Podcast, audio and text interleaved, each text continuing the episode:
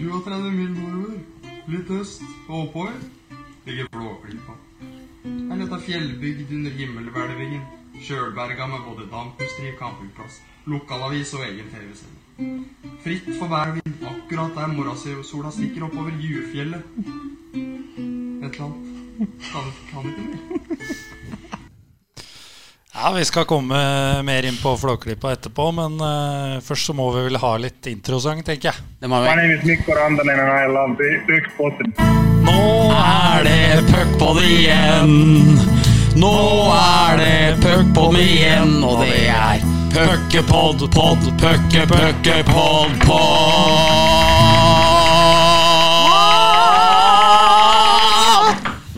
puckpod igjen. Der satt den. Så vi fikk eh, kritikk for introen vår. En som har lagt inn en femstjerners eh, hyllest på, eh, på den eh, podkast-app-greia. Ja, Eh, interessant, eh, morsomt. eh, lærte til og med litt av å høre på. Men fryktelig intro, så den var det bare å spole over. Men vi oppfordrer absolutt alle til å bli gjennom introen, for den er uh, håndlaga for hver enkelt sending med en egenlagd vri. Helt riktig. Og eh, nå var det virkelig godt å være tilbake igjen nå, fordi vi har eh, Vi har vært lenge borte, Bendik. Har i, du har vært i klammeri med Nav. Nei, det er det jeg ikke har. Det er eh, det jeg trodde at jeg var. Men eh, da jeg gikk inn i pappaperm nå for noen uker siden, så tenkte jeg at jeg bare kunne dra hit og spille inn og podde med deg, og dette var lugnt, og få igjen noen dager i bakkant osv. Men Sånn fungerer ikke dette byråkratiet, så her eh, fant jeg da ut at hadde jeg gjort det, så hadde jeg sikkert åkt inn. Og det ville vi jo ikke, så da måtte jeg rett og slett eh, få gjort det her ordentlig. Så ei eh, flott dame, Bergens, bergensdame, vet ikke om hun er flott, men var veldig snill og hyggelig, som guida meg gjennom hvordan jeg fikk gjort det her. Jeg brukte 52 minutter på det. Tror ikke vanlig prosedyre er at det tar så lang tid å få justert ned 5% men nå har jeg i hvert fall fått gjort nok. Så nå er jeg her sammen med deg, Erik, og det skal være hele vinteren, og det gleder jeg meg veldig mye til. Ja, veldig bra. Men så må vi tilbake til eh, introen. eh, altså Før intromelodien, vår velkjente der, så, så hadde vi jo dagens gjest, eh, Jakob Lundell Nord, som fortelleren i Flåklypa. Det var, var stort, Jakob. Ja, det, det var en, en kveld der hos eh, Emil Nyhus hvor uh, vi eh, begynte å tralle litt. Hvor uh, han uh, Tor Jørgen Fristad, Fristad satt på gitar og, og spilte litt. Og så har jeg mobba de Lillehammer-gutta litt i alle år om at jeg syns at eh, Lillehammer er litt Det har litt sånn Flåklypa-preg over seg. Litt merkelig etternavn og litt sånn, så det var en liten sånn historie bak det. Er du glad i Flåklypa-filmen? da? Ja, ja, det er jeg jo beste filmen gjennom, gjennom tidene, det. Fantastisk film, Bendik. Ja, fantastisk film og fantastisk eh, musikk, ikke minst, som eh, vi hører i bakgrunnen der, eh, av Ben Fabricius Bjerre. Den danske bjessen som dessverre gikk bort ikke så altfor ung, for han gikk vel bort nå i en alder av noen og nitti eh, nå i høst. Men nei, Danmark har jo de største menn, han og Kim Larsen og gutta boys. Sverige har hadde Cornelis Vresvik, mens vi må skilte med Øystein Sunde og den slags. Vi er, eh, det er 1-0 til våre venner i eh, sør og øst der, altså. Jeg må virkelig si det. Ja, men eh, Øystein er bra på gitar, da. Ja da, han er det. Men det holder, det holder ikke opp altså, mot gutta guys. Nei. Det, det får nå så være, men, uh, Men Flåklypa har jo vi, da. Flåklypa har vi. Den er jo gjennomnorsk. Og en eh, må slutte meg til panelet og si at det, det er en- meget bra film. Ja, fantastisk. Dirty Tricks-knappen der, når blodstokken trykker på den, da må man passe seg. Da må man passe seg, ja. Og dirty triks, det har jo du blitt utsatt for av eh, lagkamerat eh, Rønhild de siste dagene, Jakob. Ja, det var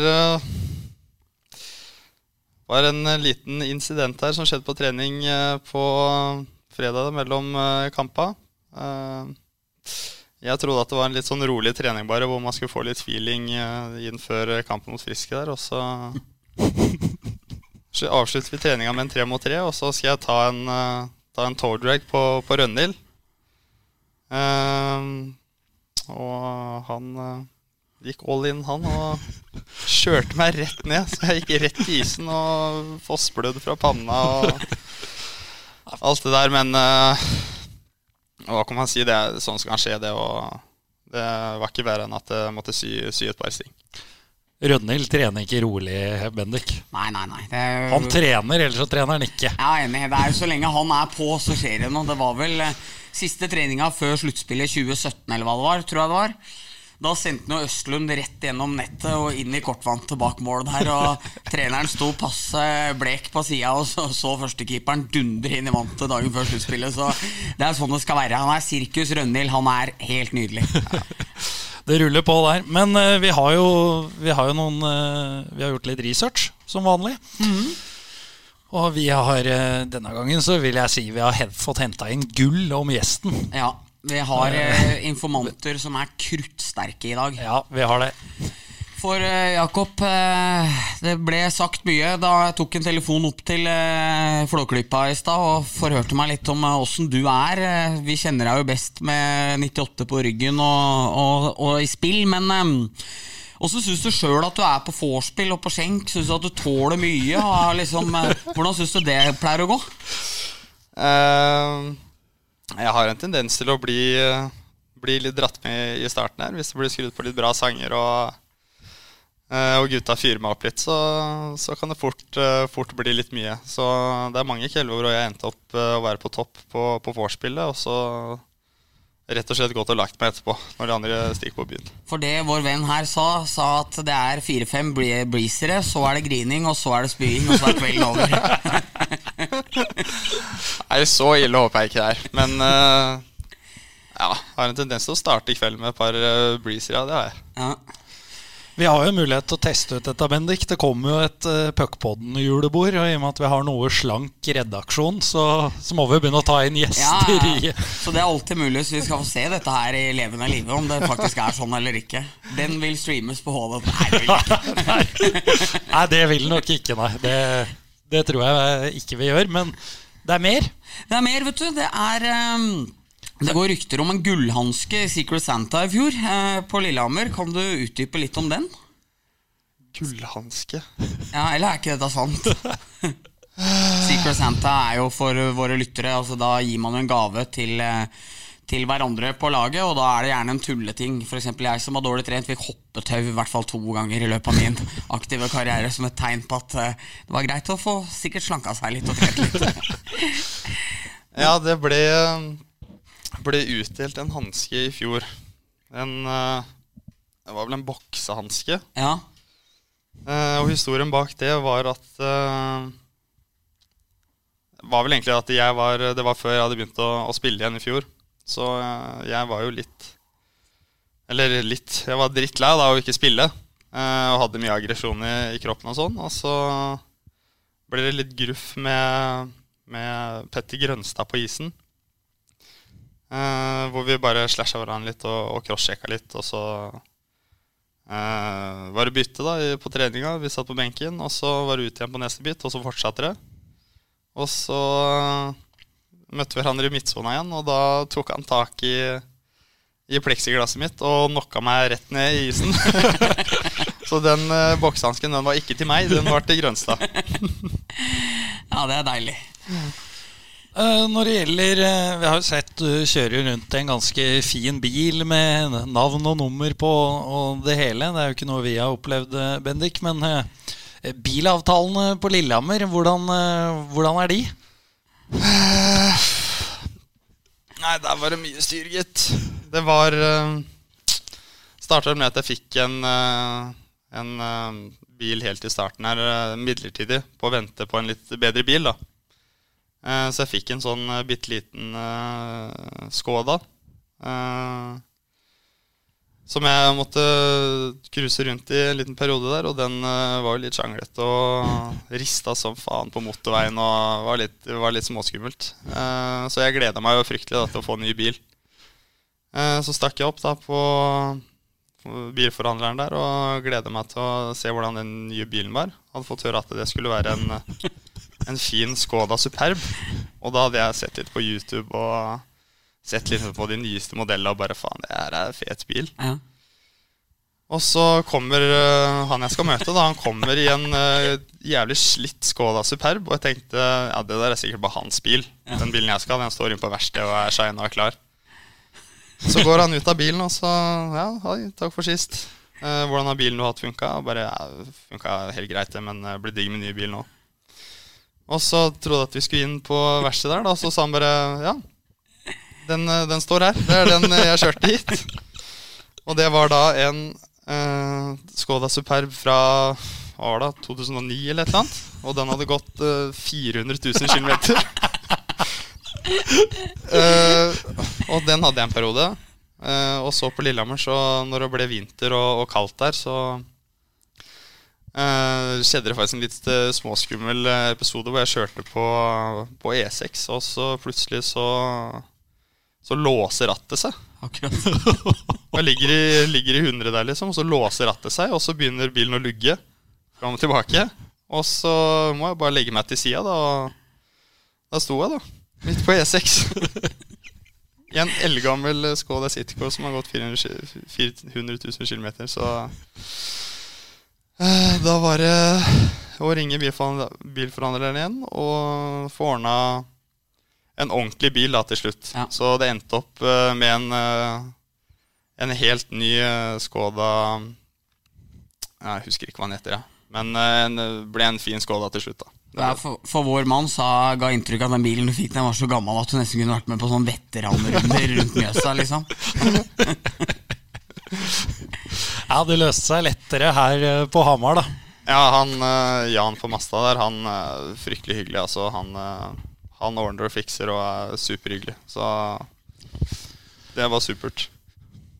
Den siste vi har, eh, Bendik, det siste, er jo om eh, det- er jo vanlig når man skal til eh, ny klubb og forhandle litt, og sånn at man kanskje ligger litt under radaren. Det gjorde man jo den gangen Jakob skulle til Storhamar også, men det var jo en litt annen tid. På en litt um, usedvanlig måte å gjøre det på. Det, um, det, det ryktes om at eh, når eh, du skal bli Storhamar-spiller, da holder det ikke å møtes på et møterom. Da er det på selveste Stortinget avtalene gjøres. Eh, kan du utbrodere litt om det?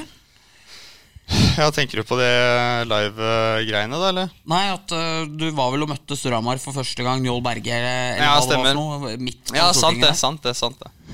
Ja, det var uh, Jeg og Taskerud, vi uh, tok en liten svipptur til Oslo der og tok en kaffe og møtte Njål. Og satt og prata litt eh, på en benk utafor Stortinget der i, eh, i vårsola. Så Var det eh, der du blei Storhamar-spiller?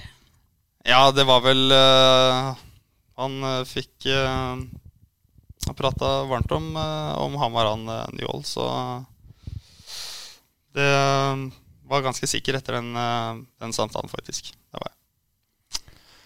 Og en eh, bra åpning eh, er det jo blitt også. Fem eh, kasser på fem matcher. Par assist. Hvordan er det å spille med, med Thoresen, får vi si? For nå har jo Alvorm vært litt ut og inn av den rekka. Uh, nei, det er jo helt uh, Helt uh, supert. Det hadde jeg jo egentlig aldri sett for meg, at jeg skulle få muligheten til å spille med han. Men merker også at det er eh, en litt annen måte å spille på enn jeg har gjort tidligere. Eh, I Lillehammer så var jo filosofien mye å spille på, på fart, på overganger og sånn. Mens her i Hamar, da, med Patrick og sånn, som er så, så sterk på pucken, så er det litt mer at vi skal få lange angrep og skjøtte på da, nedi i offensiv sone. Det har jo gått greit så langt, eh, Bendik. Ja, det syns jeg. Den rekka har jo vært bra hele veien. eh, Så der er jeg meget imponert. Det er jo, det er jo kanskje Allholm som har hatt eh, mest utfordringer så langt der. Eh, Har jo vært prøvd nå med Eskil Bakke Olsen inn, vår nest forrige gjest, eller for to podder tilbake siden. Og Eskil-gutt har jo ikke gjort seg bort, han. Så nei, den rekka funka bra, sammen med Edvardsen-rekka, som også har vært veldig bra. Så Storhamar har jo produsert mye mål og vært bra. Det var jo kult at du putta to mot Lillehammer med en gang. Altså, tror det var deilig for deg òg. Ja, Den matchen har jeg tenkt på så sjukt lenge. Og med tanke på hvordan hele den situasjonen var, da, med folk som snakka dritt og, og alt det der, så, så var det viktig og ekstremt viktig at uh, det første målet kom såpass tidlig. Følte nesten at uh, kampen allerede var punktert etter det første målet. Ja. Litt måten det ble skåret på, at det til og med var Denin som klarte å sparke pucken inn i, inn i målet der. Så så du ansiktet hans på, på TV-kameraene etterpå. da, og så han sier Ja, det var uh, helt uh, fantastisk følelse. Men ikke for å ta fra deg noe med det målet, men var det litt deilig å gå inn og lime et ordentlig skudd òg? At, det var liksom, at det var et ordentlig mål? Det, hvordan var det kontra det første litt grisete målet? Eh, nei, altså det var jo digg å kunne skåre et Hva skal jeg si et, et, av de penere målene nå da, ja. på, på, Lillehammer. Eh, og ikke bare ha et sånt eh, flaksemål, da, om man kan kalle det det. Så nei, det var en he helt fantastisk kveld, det der. Mottagelsen der oppe i Flåklypa, er det det vi kaller det, Nei, det kaller det nå? den, den, kunne jo vært mye verre hvis det, hvis det hadde vært fullt hus i, i Eidsiva Arena. Ja. Nei, det var jo Hadde jo tenkt jo på det i løpet av sommeren at man håpte jo virkelig på at uh, koronagreiene skulle roe seg. Uh, og at uh, det kunne blitt et fullsatt Eidsiv Arena til den kampen, da, selvfølgelig.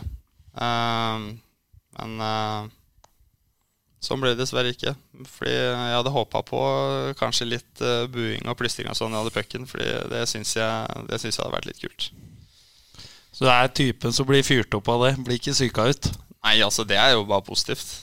Det er jo hvis jeg hadde vært uh, en ræva spiller, liksom, og det ikke har vært noen reaksjoner, og folk bare driter i det, så, så hadde jo det vært uh, helt jævlig. Og så trengs det òg nå, etter at Steffen Thoresen ikke er Storhamar-spiller lenger, som både har hysja og kjørt sånn uh, henda bak øret-variant opp til Er det Knektberget det heter? ja, de het det en gang i tida. Nå er det vel Patriotene. Ja, så, så, liksom, så trenger man jo en som fortsatt kan holde virkelig kok i det lille, lille hatet som er imellom der. Ja, Steffen uh, er jo ikke spesielt glad i Lillehammer. Der kan man gjøre hva man vil. Ja, var ikke det sa. Husker han sa. Han likte ikke Lillehammer. Gjorde ikke det. Nå er vi jo litt inne på det. Nå har vi jo fokusert på, på starten din, eh, Jakob. Men uh, vi må jo litt inn på sesongstarten generelt. Uh, Bendik, uh, poengfangsten har vel totalt sett vært grei, men det har variert, altså. Ja, det syns jeg. Det var jo Etter den Lillehammer-kampen så var det jo Alle var jo veldig imponert, og med rette, etter Oilers-matchen og den kampen. Men så kom man jo inn i en litt mer trøblete vei der. Uh, vant Nei, tapte vel mot MS eh, på den lørdagen der, der man leder 3-0 og har full kontroll. Og så er det akkurat som lufta går helt ut av ballongen. Og Jonas Strand sa vel sjøl at han hadde en dag der han følte han ikke tok noen ting. Så det var jo, en, eh, det var jo ingen som var noe dårligere enn noen andre der, men det var jo en etter hvert blytunge 50 minutter. Og så en, en nesten enda dårligere match mot Narvik.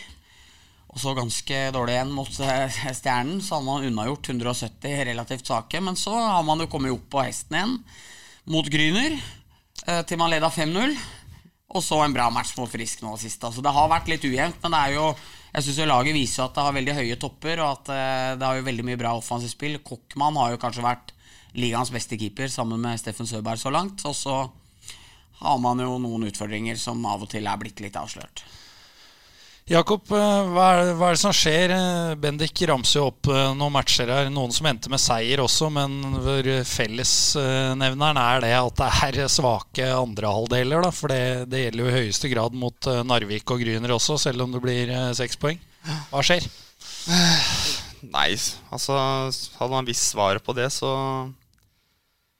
så hadde vi gjort noe med det med en gang, selvfølgelig. Men jeg uh, veit ikke helt hva det kommer av. Eh, det har jo vært det at vi eh, starter jo matchene supert eh, og kjører egentlig over motstanderne. Og så er det et eller annet som skjer i andre perioden hvor vi slipper, slipper motstanderlaget inn i kampen. Og da blir, er det flere på laget som får litt høye skuldre og kaster litt pucker. Og det blir litt kjefting på benken og, og litt sånn. Så det Nei, jeg har ikke, noe, har ikke, noe, godt svar på akkurat hvorfor det har liksom dabba da i andre perioden.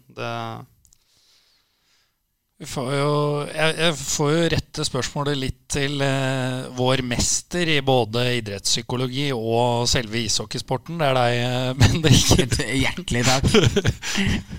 Er det, er det klassisk undervurdering? Vi, vi ser jo at uh, Storhamar uh, spiller jo uh, godt, om ikke i alle 60 minuttene, så brorparten av dem, når motstanderen på papiret er god. Ja, eh, det er jo et godt spørsmål. Men det er jo sånn der leder 3-0 mot MS, og så skårer Mathias Trygg veldig billig mål på når det er en to minutter av perioden. eller et eller annet. Så er det akkurat som at selv om Strama leder 3-1, så går man med en usikkerhet inn i pausa som egentlig skal være nødvendig mot en langt svakere motstander.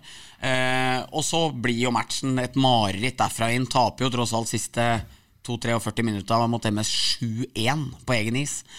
Uh, for eksempel Narvik-kampen er ganske flat egentlig hele veien, syns jeg. Eh, Stjernen leder 1-0. Nydelig spillsekvens. Får pucken ned, opp på Vold Engebråten. Edvardsen styrer inn. Stjernen er et uh, såra dyr.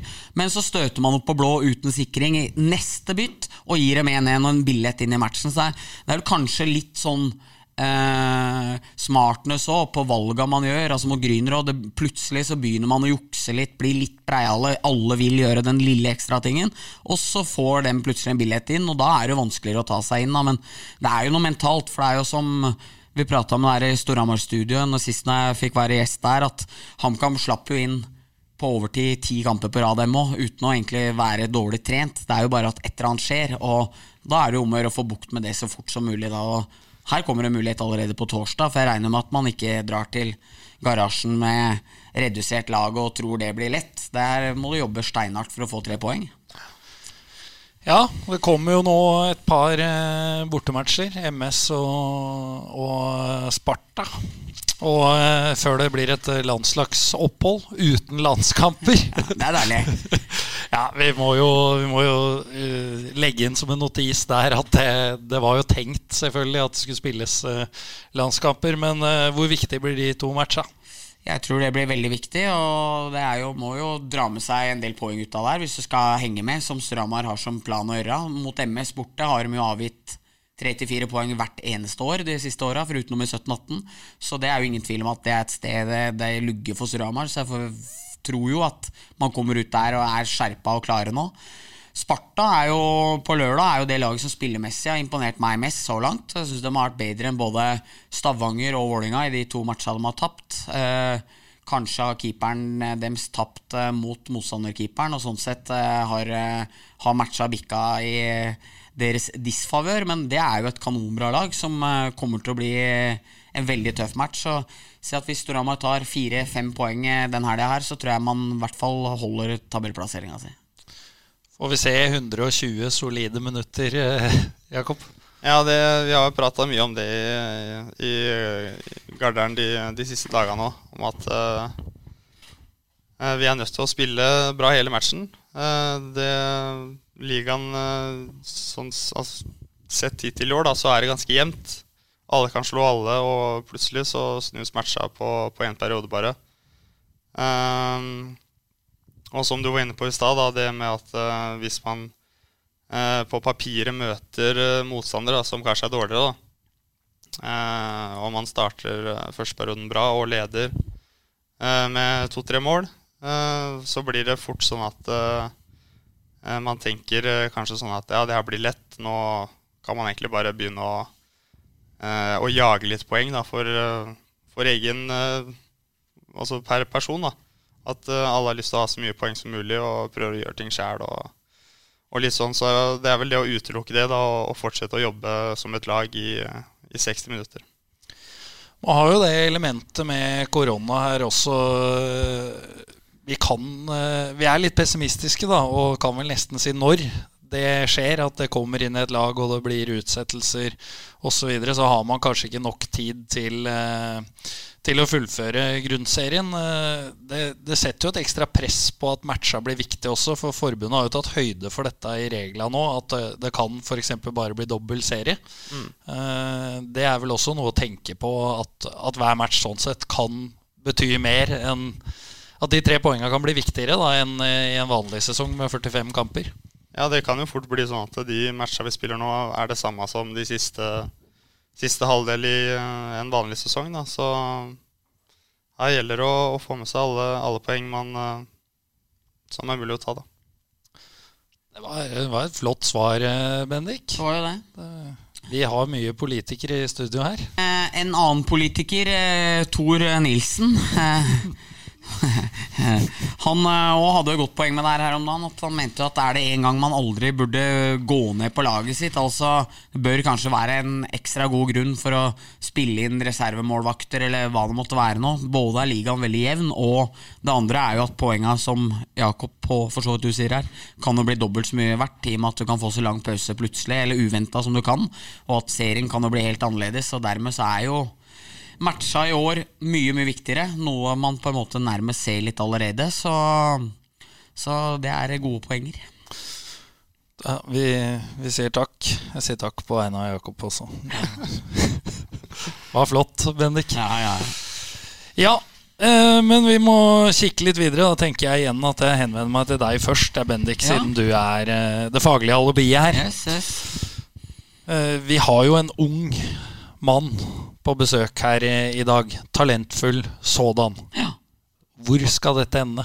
Hvor skal dette ende? Jeg var jo nede og spiste en eh, hyggelig lunsj med Anders Jøse før sesongen her. og da prata vi jo litt om eh, Jakob og rekkesammensetninger, og om han er best med antatt det beste, eller om han er eh, enda større individualist som er så god aleine at han kanskje ikke alltid trenger like gode flankespillere rundt seg. og sånne ting, Så drodla masse om det. og Syns Jøse har gode poenger da med å si at vi kan jo alltids f.eks. sette Jakob i rekke med to presumptivt svakere spillere enn det han har gjort nå. Men skal han ta det steget som Jøse mener er mulig allerede neste år, altså spille SHL, så mener han at da bør han allerede nå legge seg på linje med SHL-kvalitet, som man gjør med Patrick Thoresen. Så jeg kjøpte i hvert fall tanken til Jøse veldig på det. og tenker vel da at eh, SHL er vel kanskje innafor målbart område. og For det er jo ingen tvil om at det er jo en av landets mest eh, spennende og beste spillere vi har her i dag. Så, så det er Jeg tror faktisk Jakob hadde slått oss to eh, i en to mot én der vi skulle spilt over hele banen aleine her. Jeg tror nesten måtte strekt vei på det, altså. selv om vi kunne dratt med lange pass da. Ja, det er nok mulig, det. Du har fått trøbbel med skøytegåinga. Spørs det. Hvor ligger ambisjonene, Jakob? Eh, nei, altså Målet har jo alltid vært å, å komme, seg, komme seg ut. Eh, eh, og SHL har jo alltid, alltid vært en drøm, selvfølgelig. Eh, eh, men eh, så har jeg de siste sesongene vært litt satt tilbake med skader og, og litt sånne ting. Så jeg hadde jo personlig mål å prøve å få til det litt, litt tidligere. Men sånn som det er nå, så er jeg storfornøyd. Og det å kunne være på lag og lære så mye av, av Thoresen, da. lært veldig mye på allerede til nå. Eh, og han, eh, som du snakka om i stad, du har snakka med, med Jøse om eh, det var best at jeg spilte med eh, dritgode spillere på sida, eller antatt eh, ikke like gode spillere, f.eks. ved siden av. Eh, så har eh, jeg og Patrick uh, snakka litt sammen, han eh, sier jo det at eh, her i Gateligaen så er det mye lettere å, å være individualist eh, enn det er i SHL, f.eks. Mm. Eh, så han har sagt til meg at eh, det året her så skal jeg prøve å lære meg å kanskje spille pucken litt tidligere og heller slå mannen min da, for å komme først inn på mål og finne åpne, åpne rom. da som eh, man er nødt til å gjøre da i bedre ligaer hvor backer er mye bedre og, og sånne ting. da. Jeg la merke til forrige match, eh, Jakob. Jeg vet ikke om det er rett eller ikke, men det var en gang i første perioden dere kom inn, og Patrick gjorde seg spillbar rett innafor blå, der du ikke slapp pucken til den. Sånn at eh, han ble på en måte gående i skyggen. da Så så jeg når det ble avblåsning ti sekunder senere, så var han borte på deg, og da så det ut som du nikka veldig med.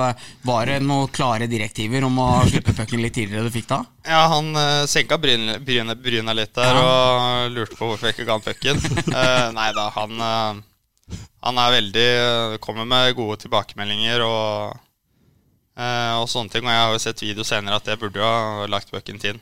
Eh, eh, men det er jo sånne ting som eh, I matcher så er det ikke alltid man får med seg, får med seg alt, selvfølgelig. Nei. Men, eh, eh, Jeg setter jo veldig pris på at han sier ifra, da, at eh, selv om det ble mål ut av det, så, mm. så fins det eh, bedre løsninger òg, da. Så mm. det gjelder jo bare det å, å orientere seg og, uh, og høre på andre spillere, rett og slett. Ja, det er eh, Det har vel historien vist, at det er lurt å høre på Patrick når han eh, senker bryna. Det syns jeg høres ut som et godt tips. Da, da, da, jeg, altså, Er du uenig, så bare vær enig, tror jeg er moralen i det. bare si ja? Ja, si ja. Ikke noe jammen. Men eh, det, det, var en situasjon det ble scoring ut av også. Altså. Kan jo Jeg vet ikke om du var med da, Bendik, med Furuseth oppe i Trondheim når uh, Ruben Karo Hansen skåra aleine med keeper. Hvor han uh, da fikk tilbakemeldinger av treneren i, i fullt alvor at, at det var feil finte. Jævlig bra, Ruben, men neste gang kan du gjerne legge den over på backhander. Oh, ja. ja, okay, så, så, treneren tok ansvar for å melde han feil finte, ja. ja. Det tenker jeg, Da, da er du på skyhøyt nivå. Altså, ikke, det er detaljcoaching, det. Når det ikke skåres mål på riktig måte. Ja, eh, vi må snakke litt alvor òg, eh, gutter. Vi sender selvfølgelig varme tanker til Mats eh, som falt. Og det fikk jo store konsekvenser med lammelse og en, en trist og tragisk situasjon. Ja, det er jo ingen tvil om det. det er, hockey blir veldig lite alvorlig. Eller poeng og den slags, og hvilke lag man spiller på og sånne ting, blir veldig lite viktig i en sånn situasjon. Det var eh, forferdelig tragisk eh, utfall på, på, en situasjon som skjer tusen ganger på en hockeykamp. Så det er bare å ønske han lykke til og kjempe på videre og håpe at uh, han har det så bra som uh, han kan ha det. Og tenker også at man nå må tenke at livet er liksom ikke over òg. At det er mye muligheter og det er mye gleder og sånne ting som skal oppleves òg, selv om det her selvfølgelig er en forferdelig tragisk situasjon for han og familien. Så nei, det er litt uvirkelig at noe sånn kan skje på, når man bare skal ha det gøy og spille ishockey. Mm. Det er fint å se hvordan hockeyfamilien har eh, slutta opp eh, rundt Mats også. Ja, absolutt. Det er, eh, viser jo hvor Spesielt i Norge da, med hockeyen, hvor, hvor lite miljø det er. da. Og da gjelder det å, å ta vare på, på, de vi har, og, og vise støtte når, når folk, folk, har det vanskelig. Så jeg i hvert fall sender alle mine varme tanker til eh, han og, og hans familie. Ja, og når vi er da inne på Frisk Asker De jo, kom jo ned på jorda på Hamar eh, nå, eh, forrige match, men eh, de har hatt en god start. Ja, Frisk har uh, hatt en bra start. Det syns jeg virkelig. Jeg syns de har sett bra ut i de fleste matchene de har spilt. Han han, Bobby McIntyre har jo kommet og tatt ligaen med storm her, selv om han kanskje ikke var all verden mot Ramar sist nå. Passerte han bekken på stjernen Han runda bekken til stjernen i kampen før der. Han femmeren på stjernen, han canadieren. Altså, det, det, har jeg ikke sett liksom, sånn G13, G14 Altså at Bekka bare blir runda på baksida, skjærer inn foran keeperen og scorer. Så nei, det har vært eh, gøy med Frisk. Og nå er jo Volker Olsen tilbake. Og så får vi håpe at eh, Hampus Gustafsson kommer seg på beina og er eh, klar igjen. Så Frisk ser ut som et lag som kan nype alle dem. Ja, det kan jo bli en skummel kombo der òg, ja, når Valkvær kommer i, i matchform. Det hvis, kan det absolutt. Hvis han skal joine de to gutta. Det vil jeg tro. Han var kanskje bitte bitte litt bleik nå, eh, ut ifra hva man forventer av han. Men har jo ikke spilt match på lenge, så han er jo en attraksjon for ligaen. Så det blir fett at han eh, er der. Og frisk eh, Jeg ga dem vel terningkast to på backup-setninga si, men jeg syns jo at det på Hamar var jo holdt jo det med høy stand, og har vel ikke rent inn mål heller. Så så langt så er det 1-0 til Frisk over Benji Papa. Den tar du. Den tar jeg, vet du. Ja.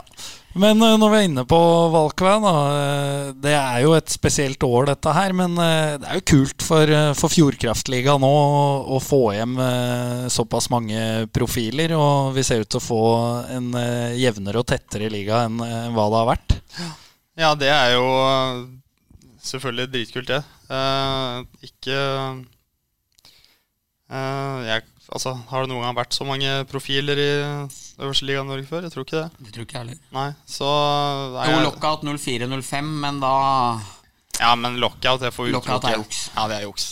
Det er editor. Ja, nei, det syns jeg er uh, utrolig kult. Og jeg skal innrømme da at jeg Jeg var jo litt sånn uh, smånervøs uh, når vi skulle møte Lillehammer der med, med Martinsen uh, inn i lineupen der. Det skal jeg være ærlig på.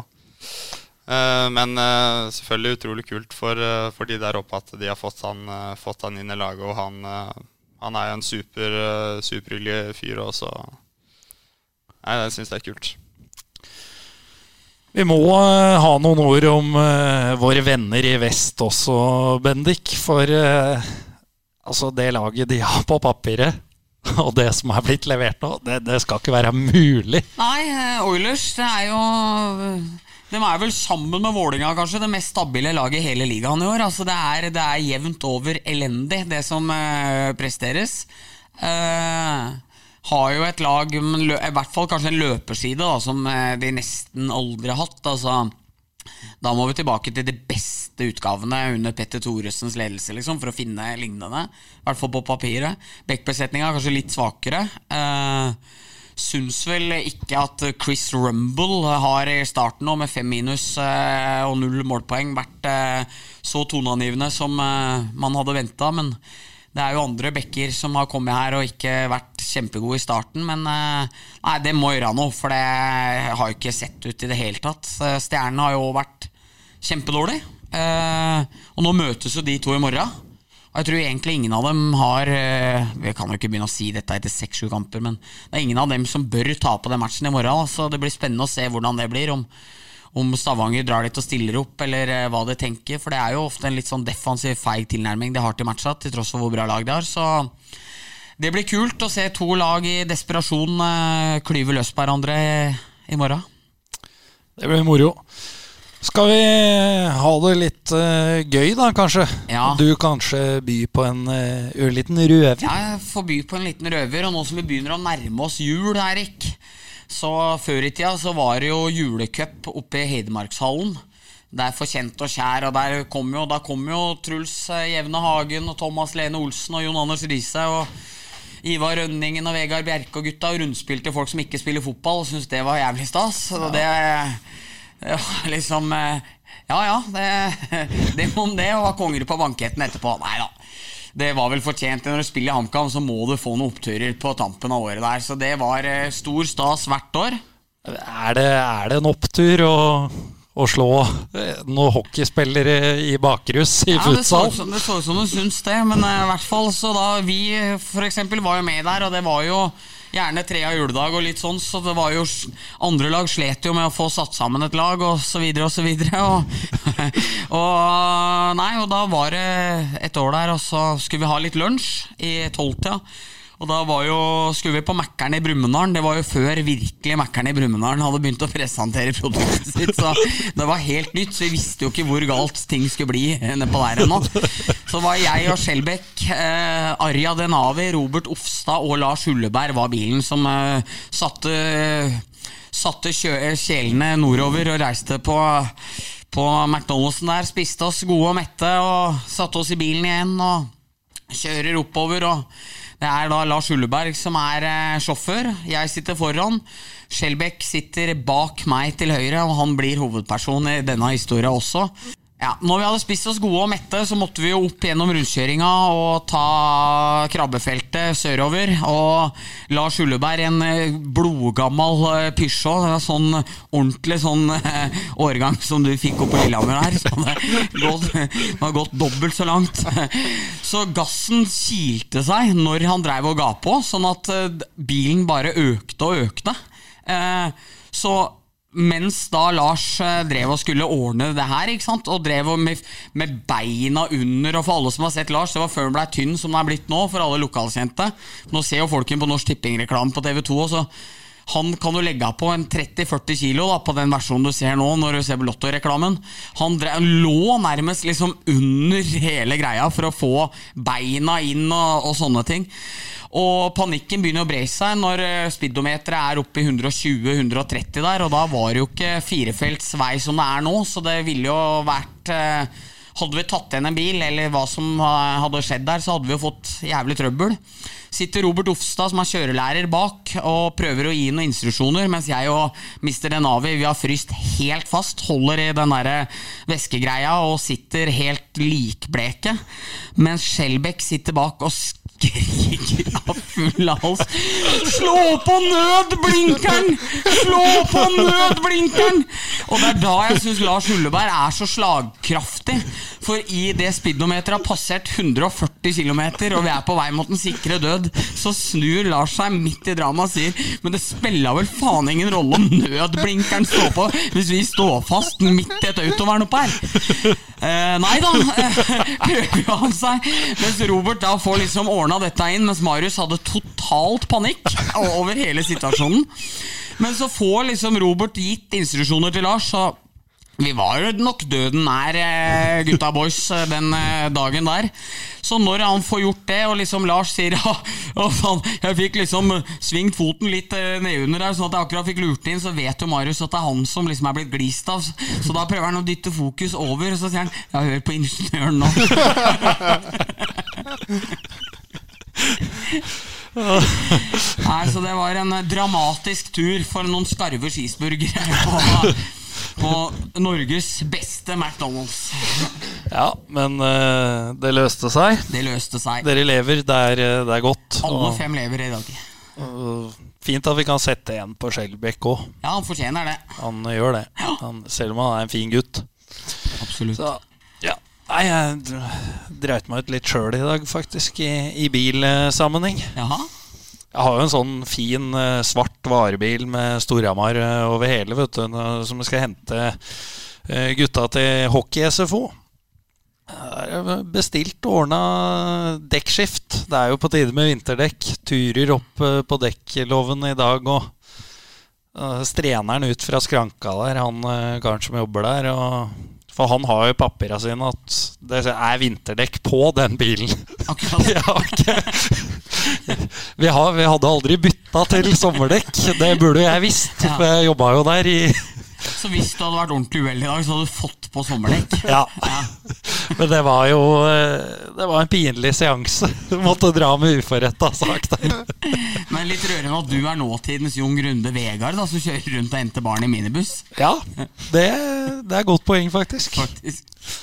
Og det er, men det er, det er moro. Ja. Jeg må si det. Ja. det. Det er ikke så moro å møte opp med vinterdekk Nei, den på, på dekkloven. Den ser jeg. Men den, den får jeg by på. Vi skal videre til eh, andre faste spalter. Det er jo tid for kaktus og kvast igjen. Ja, Hva tenker du, Bendik? Vi starter med med, gjesten. starter med gjesten. Og starter vi med kaktus eller kvast? Valgfritt. Valgfritt, da. Kan uh, starte med kaktus, da. Starte med kaktus. Ja. Uh, nei, det er noe jeg har merka her da i, i Hamar. Uh, ute i, i trafikken. nei. På veiene her i, Alltid det når det er nye. i Hamar. Det er rart. Og det er noe som irriterer meg så jævlig, og det er at det er jo ikke busslommer her. Nei. Så bussa, når de skal ha folk av og på bussen, så står jo bussen midt i veien. Mm. Og det kan jo være litt irriterende hvis man uh, plutselig forsover seg en dag og skal på trening, og så havner du bak en buss som, uh, som står, plutselig står stille tre-fire ganger på vei til trening. Så uh, gi en kaktus til, uh, til dårlige busslommer her i Hamar. Ja, og der kan jeg få følge på. Fordi ofte så blinker de jo ikke inn heller, når den bare, den bare stopper bilen sin, Ja. som, eller bussen sin, som om at du skal skjønne det. Altså liksom, Når det ikke er busslommer, så er det ganske ulogisk at en svær jævla buss bare plutselig stopper. Ja. Men f.eks. ved Dollaråsen der, oppe ved, oppe ved Snekkersundfeltet der, når du kommer kjørende ned der, da bare stopper bilen, eh, bussen. Faen, jeg ikke klarer å si bussen. Det er bare å stoppe bussen midt i veien, og så er det en sur bussjåfør vil prøver å kjøre forbi. Sitter han og rister på huet og sånn. Altså, det er så jævlig. Og det er jo ikke rart folk er dårlige til å kjøre bil i den byen her, når yrkessjåfører ikke kan det. Og blinker ikke og driver og kaster seg uti. Nei, det er for jævlig med, med disse bussa. Ja. er det Det er jo mye prat om miljø i disse dager. Er det et miljøtiltak å ikke ha busslommer, sånn at folk slutter å kjøre bil? For de gidder ikke mer av dette. Jeg vet ikke, men Da må jeg stille et retorisk spørsmål. Er det et miljøtiltak i denne byen her å ikke bruke blinklys òg? For det kan jaggu meg begynne å lure på av og til. Funker ikke i Men det må jeg si, etter vi har begynt å ta opp det der For det hender seg jo av og til eh, Jeg ser på meg sjøl som veldig flink til å blinke, men det er jo noen ganger du holdt på å si bommer på spaken der, ikke sant? sånn at du ikke blinker. Jeg er så livredd for at noen som hører på podden, skal se at det er meg som kjører den bilen. Når vi sitter her annenhver uke og sager dette der. Ja, og så får du stort ego, for jeg var på Rema Vishallen her om dagen, og så var det en som så så stygt på meg, og så sto og panta Nei, så sto og la inn varer der. Og så tenkte jeg faen, har han hørt på podden Og, liksom? Og nå er jeg der jeg på en måte har latterliggjort litt. Så man blir litt paranoid av hele greia òg, men eh, disse blinklysa òg, det passer jeg virkelig på nå. At eh, jeg blinker ikke Nei, jeg går aldri ublinket hen. Det var veldig pent sagt. Eh, og når du da er inne på Rema, så skal vi jo faktisk eh, Vi skal nevne navnet til han du ga ros i, i forrige pod. Ja. Uh, Mr. Veme. Ja. For han, jeg trodde han hadde bedt om å bli anonymisert, oh, ja, siden nei, du nei, ikke sa det. Men uh, nå har jeg prata med han og eh, gjort avtalen og klarert det at han, han fortjener å bli broadcasta ut, tenker jeg da. Jeg var og kjøpte sju pokaler han på fredag, faktisk, så da, da fikk en anerkjennelse av meg. da Ja, vel fortjent. Fortjent. Vel fortjent. Ja, eh, skal du ta neste, eller? Fortsette på kaktuskjøret? Eh, ja, det kan jeg vel alltids gjøre. Eh, nei, eh, etter eh, den eh, starten på sesongen her, som har vært mye positivt, men så er det noe negativt. Og det er taklinger jeg syns er stygge og unødvendige og helt idiotiske, som f.eks. i MS Gryner. Der eh, bare dytter en motspiller i ryggen to meter fra vantet. Det blir sånn Kom an. Altså, å være uheldig som Rønhild er og setter en litt for hard takling, det kan skje alle, men sånn Sånne kjipe ting. Og ser når Vålinga kommer alene mot uh, åpent mål mot Frisk, så er det en Asker-spiller som kaster kølla som om du er på Løkka. Liksom. Altså, blir sånn der, da tenker jeg sånn Tenk om folk fra andre land sitter og ser på ligaen! Liksom. Altså, du må jo tenke at du sitter i samme garderobe og nærmest ellemelder om laget. For det, det blir liksom seende så platt ut. Så oppfordring til alle om at liksom hev standarden av og til lite grann. Ja, og nå, nå, nå glemte du å nevne at vi har jo hatt en Kalle Ekelund som har velta mål. òg. ja, bytta ned målet der, ja. Ja, nei, det har vært Så det er liksom noen sånne ting som eh, Altså, Norsk hockey er kommet så fryktelig langt på så mange ting, og så er det liksom noen ganger jeg blir sånn Ah, vær så snill. Så nei, det er nok en liten oppfordring til at det kan enda et lite steg til. Ja. så dytte folk i ryggen to meter fra vantet, kaste køller når folk har åpent mål, og velte målet når folk har med mål. Ja. Det må vi slutte med. Ja, men, den er, men jeg må si til Ekelunds forsvar Det der gjorde jo Petter Salsten en gang hjemme mot Bern, i, eller om det var Felkirch, eh, i 97, i Europacup. Så, og med lignende utfall at eh, det ble ikke scoring, og heller ikke påfølgende mål. Da ble det vel straffe til motstanderen. Her fisk, fikk jo Frisk kun et powerplay av det. Så, men det er vel kanskje moden for en regelendring når du har blank kasse, at eh, det dømmes teknisk mål eller et eller annet. Det kan i fall være noe å se på, da. Ja. Nei, det er jo litt eh, Jeg har jo sjøl blokkert pucken i forumet en gang, og det er jo straffe. Ja. Hvis du som utespiller gjør det i målgården. Så, men eh, det er jo for all del det er jo jevngodt med å velte målet. Ja, det er. Der òg var det jo en som bare skulle dytte ned åpent, som jeg så at han skulle, så da blokkerte jeg. Ja, men Det er litt rart at det på en måte dømmes strengere enn å fjerne hele målet, Ja. egentlig. Ja. Så nei, så er nok, den regelen er kanskje høymoden for en liten endring. Ja, det, det kan være. Jeg må jo skyte inn òg der at jeg syns det er stort at Ekelund, etter å ha gjort måtte dra på seg for dårlig oppførsel. Ja, det er rått. Det er helt rått. Jeg, jeg vet ikke hva uenigheten med dommeren gikk på, men han hadde ikke mye å være uenig i der. Han var den i hele hallen han, av all, absolutt alle som var minst å være misfornøyd med. Han endte opp med å bli sendt av isen for det. Jeg synes jeg var helt sjef når han gikk av og rista på huet når han gikk av isen. her Sånn. Han var så konge. Ja, det var rått. Ja, eh, jeg skal komme med kan jo, Var jo for sånn en liten kaktus til meg sjøl med, med den eh, dekkskiftet da, tidligere i dag. Men eh, kom med en litt sen kaktus til Babcock. Mike Babcock. Du har jo vært inne på han tidligere, Bendik. Han er jo en, han er jo en idiot Forferdelig person. med dårlige holdninger. Nå skal vi spe på enda mer. Dette er jo langt fra like ille, men det, det er jo et tidlig tegn på hva slags fryktelig person dette er. En uh, historie fra Sotsji-OL i 2014, hvor uh, Norge hadde i outfiten sin noen veldig kule sneakers som, uh, som Babcock da hadde observert, i, for de hadde jo garderobe ved siden av hverandre. Han hadde vært litt på Mats Hansen for å spørre om han kunne kjøpe sneakersa til, eh, til eh, Hansen. Hansen ville jo beholde OL-antrekket og så var litt lunken til det, da, men eh, etter hvert så begynte han å øyne muligheten av Faen, her kan jeg jo forhandle litt. Ja. Så jeg gjorde avtale med Babcock at uh, ordner du en signert Canada-drakt, ta med det hjem til unga. Det er jo en kjempegave ikke sant, med det laget de hadde der. Ja, ja, det var ikke noe problem. Babcock skulle ordne. Ligger på plassen din i morgen når Norge var utslått og skulle dra hjem. Og tok med seg sneakersa. Mats kommer til hallen dagen etter. Der ligger det jo faen ikke noe drakt på plassen hans! Så har rett og slett blitt svindla av en, en millionær. Det er så dårlig stil. det. Det er dårlig stil, altså. Så en uh, fortjent ekstra kaktus til, til Babcock der, tenker jeg. Han bekrefter liksom alt man har hørt om han. Ja. For sånn gjør bare idioter. Hører med til historien om Mats fikk eh, nye sneakers da de syns eh, synd på han. Norske OL-delegasjonen fikk medfølelse når han hadde blitt svindla der. Så det løste seg. Vi eh, roser folk litt. Vær så god, Jakob.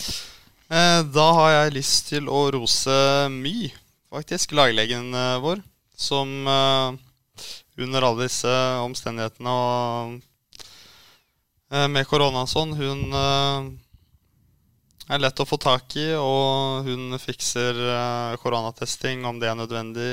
Og eh, nå når jeg fikk den trøkken på treninga, så tok det fem minutter før eh, jeg lå på sjukehuset der og fikk fikk sydd meg sammen. Og så hun fortjener virkelig en Hva kalte det? Blomsterbukett? Eller Kvast? kvast? Blomsterkvast. Eh, for hun, hun tar virkelig vare på oss gutta, så hun fortjener eh, veldig mye ros. Jeg kan skyte innom mye, for jeg tiltredes det. Jeg er veldig veldig flink. Eh, COL-høsten 2015-2016 så hadde Storhamar mange skader på mange viktige spillere. og sånn. Hver gang det var en tur, så var det alltid noe usikre og sånne ting. Og da var det i Turku jeg overhørte når det var noe om lysken til Arrivé, om han skulle spille eller ikke. Og da overhører jeg mye si i bakgrunnen at ja, nå står Gunnar Grevling utafor her og skal, skal hviske og tiske om hvem som er med og ikke. Så, så dette dette veit så mye at jeg veit, og, og andre veien. Så nei, mye er fantastisk og forsvarer alltid spillerne sine. Så hun var drita lei av de skaderapportene mine, så da fikk jeg et navn der, Gunnar Grevling. Så nei, det, er det likte jeg godt. Ja. Det, var, eh, det var flott. Vær så god, Bendik. Du kan få fortsette. Ja, da fortsetter jeg. Det jeg skal gi blomsterkvasten min Jeg kunne jo gitt til Eirik Salsten, som har vært god i innledninga, men eh, velger nå å gi eh, den kvassen til hans bror eh, Håvard, som har vært meget god så langt i sesongstarten for Gryner. Så når jeg så på poenga her om dagen, så ergra jeg meg, og så tenkte jeg fader, han burde jo vært i Storhamar. Men så slo det meg pling, sa det. At i Storhamar ville han hatt en mye mindre rolle. Det ville vært mye vanskeligere å gjort det her. Kanskje er det helt perfekt for hans utvikling å være i et eh, presumptivt dårligere lag, som jeg tror vi kan våge oss til å si at Gryner er, kontra Storhamar. Og så får han ha en stor rolle der og gjøre det bra. Nå har de jo også fått Leo Halmrast, som er fantastisk talent. For noen eh, ting han har i spillet sitt. Det er eh, rått. Så de to gutta drev og kombinerte og sendte Narvik hjem fra Løkka uten noe som helst. Det er mange som har vært på Løkka og ikke fått noe som helst opp igjennom. Og Narvik, Narvik blei blant dem. Eh, Og Håvard syns jeg virker å ha veldig veldig god utvikling, og det er kult å se. Og forhåpentligvis, med sett med Hamar-øyne, at eh, både han og Storhamar kan nyte godt av hverandres selskap ved en senere anledning. Det var flott. Får å fortsette da med, med ros til de unge. Eh, Da velger jeg å gi min eh, kvast til eh, Isak Hansen. Det er, var jo en eh, grei match, det med to assist der på direkten. Ja, absolutt. Det var veldig gøy å se. Så nei, det var kult. Sønnen til Mats eh, er i sin fars fotspor. fotspor. Så nei, det var moro. Det var moro. Skal vi eh, runde av eh, dagens sending med, med noen klassiske ord fra Tor Eggen i NM-finalen 1995? Hva sier du? Ja, Det syns jeg blir strålende. Må huske at folk må gi oss fem stjerner, så vi klatrer litt på podtoppen. Og så må gjerne dele og styre og stelle og spre ordet videre om den gode pod. Og så takker vi Jakob for at han gadd å komme hit, og så lar vi Tor Eggen eh, rulle oss ut. I dag. Og dere kan jo få med dere et lite ishockeytriks på veien i seng. Husk, det er viktig ikke å veive for mye med spaken. Og har dere lyst på liten dans,